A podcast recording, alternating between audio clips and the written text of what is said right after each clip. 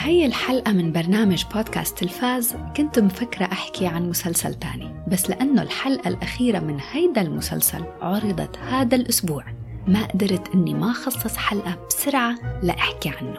وهو مسلسل HBO Mayor of Easttown للمستمعين يلي لسه ما تابعوه رح أتحدث عن النقاط يلي ممكن تشجعكم على مشاهدته. وللأشخاص يلي تابعوه رح أحكي عن رأيي فيه وشو الأشياء يلي عجبتني يلا مع بعض لنتعرف أكثر عن مسلسل Mare of Easttown The Easttown Police Department received a call reporting a dead body in Creedham Creek. Get that son of a bitch who did this. Because if you don't, I'll kill him myself. مسلسل Mare of Easttown جريمة وتحقيق درامي من إنتاج HBO ومن بطولة نجمة هوليوود المشهورة كيت وينسلت.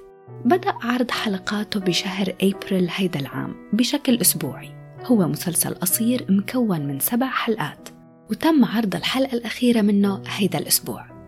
المسلسل بيتطرق لمواضيع حساسة مثل المخدرات والعنف الجسدي والقتل فباعتقادي أنه بيناسب المشاهدين فوق ال 18 هلأ بالفكرة العامة للمسلسل فهو عن جريمة ومعرفة من القاتل ولكن هو بالحقيقة أكثر من هيك بكتير. فهو بيرافق شخصية مير يلي هي كيت وينسلت وبتعمل كمحققة بمنطقة اسمها Easttown ومن خلال دورها منتعرف على معنى المعاناة العائلية والمعاناة الشخصية بالتعامل مع مآسي من الماضي. وكمان المشاكل يلي بتواجهها مهنيا بسبب شخصيتها القوية والصلبة وكمان شخصيتها يلي بترفض تتعامل مع مشاعرها الحقيقية المخبأة. وعلى سيرة مخبأة ما رح أقدر خبي بهيدا الحلقة أبدا إعجابي بهذا المسلسل. شخصيا عجبني من البداية.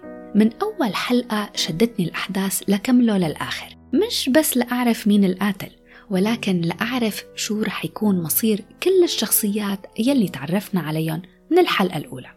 كنت حابة من البداية أني خصص حلقة بودكاست عن هيدا المسلسل لشجع المستمعين أنهم يتابعوه بس لأنه سبق أني أصبت بكتير من خيبات الأمل بأعمال نهايتها أفسدت علي كل المسلسل قلت لحالي خليني أنتظر الحلقة الأخيرة. لشوف إذا رح تتمكن من إنها تتوج العمل بنهاية بتليق فيه وبتليق بكل الممثلين يلي أبدعوا بأدوارهم. وفعلا إجت النهاية مش بس لتكون مناسبة للعمل بل أتت الحلقة الأخيرة ورفعت المسلسل كله.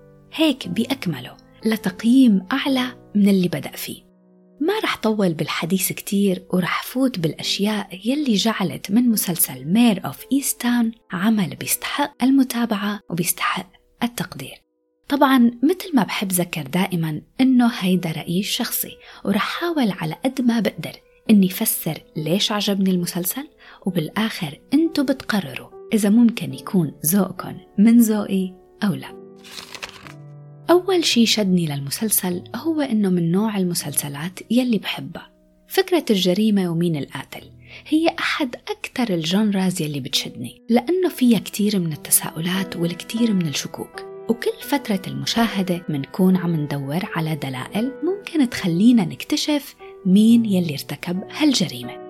قوة هيدا النوع من المسلسلات وذكرت هيدا النقاط من قبل بحلقة مسلسل ذا Undoing كمان ل HBO ورح أذكرها هلأ هيك بسرعة من المهم جدا بهذا النوع يلي هو مين القاتل من المهم إنه تكون الجريمة مؤثرة وتكون بتشد اهتمام المشاهد لحتى يصير بده يعرف مين ارتكبها.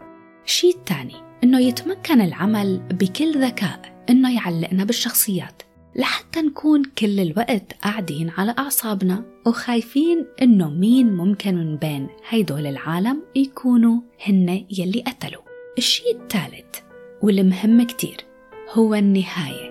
لنعرف شو كان الدافع يلي أدى للجريمة ومين هو المجرم. النهاية هون هو العنصر الأهم بالنسبة لإلي. لأنه النهاية هي يلي بتخلينا كمشاهدين نرجع نقيم العمل بأكمله ونرجع نعيد التفكير فيه ونبقى متذكرين المسلسل وبيضل مأثر فينا لفترة طويلة مسلسل Mare of Easttown قدر بكل إتقان إنه يجمع بين هيدا العناصر كلها ليقدم عمل جريمة درامي متكامل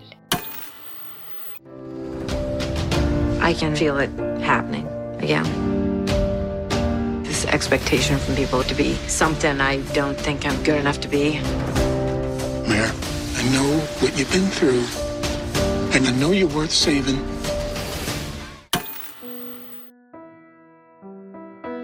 هلأ مسلسل Mare of Easttown بيلعب على العامل النفسي بشكل كبير وعامل الشخصيات بشكل أكبر العمل بياخد وقته بالحلقة الأولى لحتى فعلا نتعرف على كل الأشخاص يلي موجودين بهي المنطقة ولكن بالرغم من أنه الفكرة العامة هي الجريمة ومين ارتكبها إلا أنه أحداث Mare of Easttown ليست فقط عن الجريمة لا أبدا.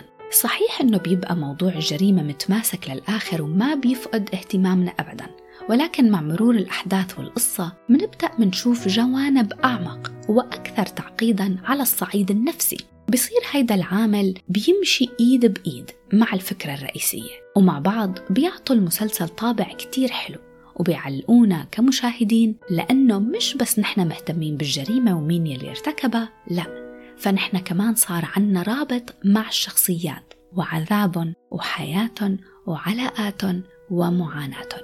هيدا المسلسل ما أسر حاله بحدود القصة على الإطلاق. قدر إنه يتطرق لأمور عديدة جدا من خلال هالسبع حلقات. أمور عديدة وحساسة مثل العلاقات الأسرية وخاصة علاقة الأم بأطفالها وتحميل الأمهات نفسهم لعقد الذنب بسبب مشاكل أولادهم هن يلي تورطوا فيها. بيتطرق لمواضيع العلاقات بين المراهقين وكيف ممكن يتعاملوا بهيدا العمر مع مشاكل الحياة. وشو هي الأشياء يلي ممكن يلجأوا لها ليخففوا عن حالهم الألم وصعوبة الموقف. هذا كله بالإضافة لحالات الإدمان والخيانات الزوجية وإنجاب الأطفال بعمر مبكرة والعديد من هي الأمور الحساسة. الأجمل من هذا كله إنه بآخر المسلسل كل هيدا الأمور بتحصل على نهايتها الخاصة. ما في شيء بيبقى معلق ومش مفهوم وهون بتيجي أهمية النهايات. لأن الشطارة بكتابة المسلسلات هي ليست بس إنه يعملوا على فتح قصص ويتشعبوا فيها هيك من دون هدف. البراعة هي إنه لما يعملوا على إنهاء هي القصص يقدر المشاهد يفهم المغزى من هيدا القصة وتوصل الرسالة بشكل واضح ومتقن.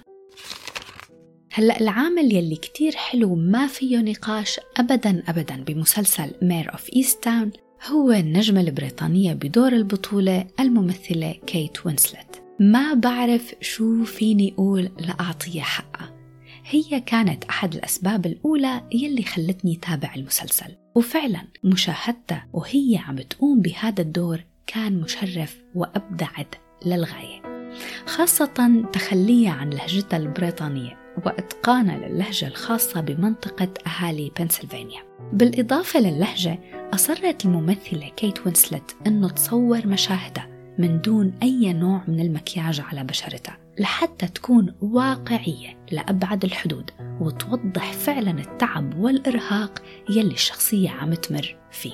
هلأ أكيد هون ما فيني أنكر إنه الشخصية نفسها بتلعب دور كتير مهم بإبراز براعة التمثيل والممثلة لأن شخصية مير نفسها هي دور معقد مش بس معقد هي شخصية متعبة. ومثقلة بهموم الحياة وبمآسي عاشتها وما عم تقدر تتعامل معاها قدرت كيت وينسلت من خلال نظراتها وبشكل وجهها وحركات جسمها إنه توصل للتلفاز كل هيدا الشي حتى قبل ما نعرف قصتها بالكامل.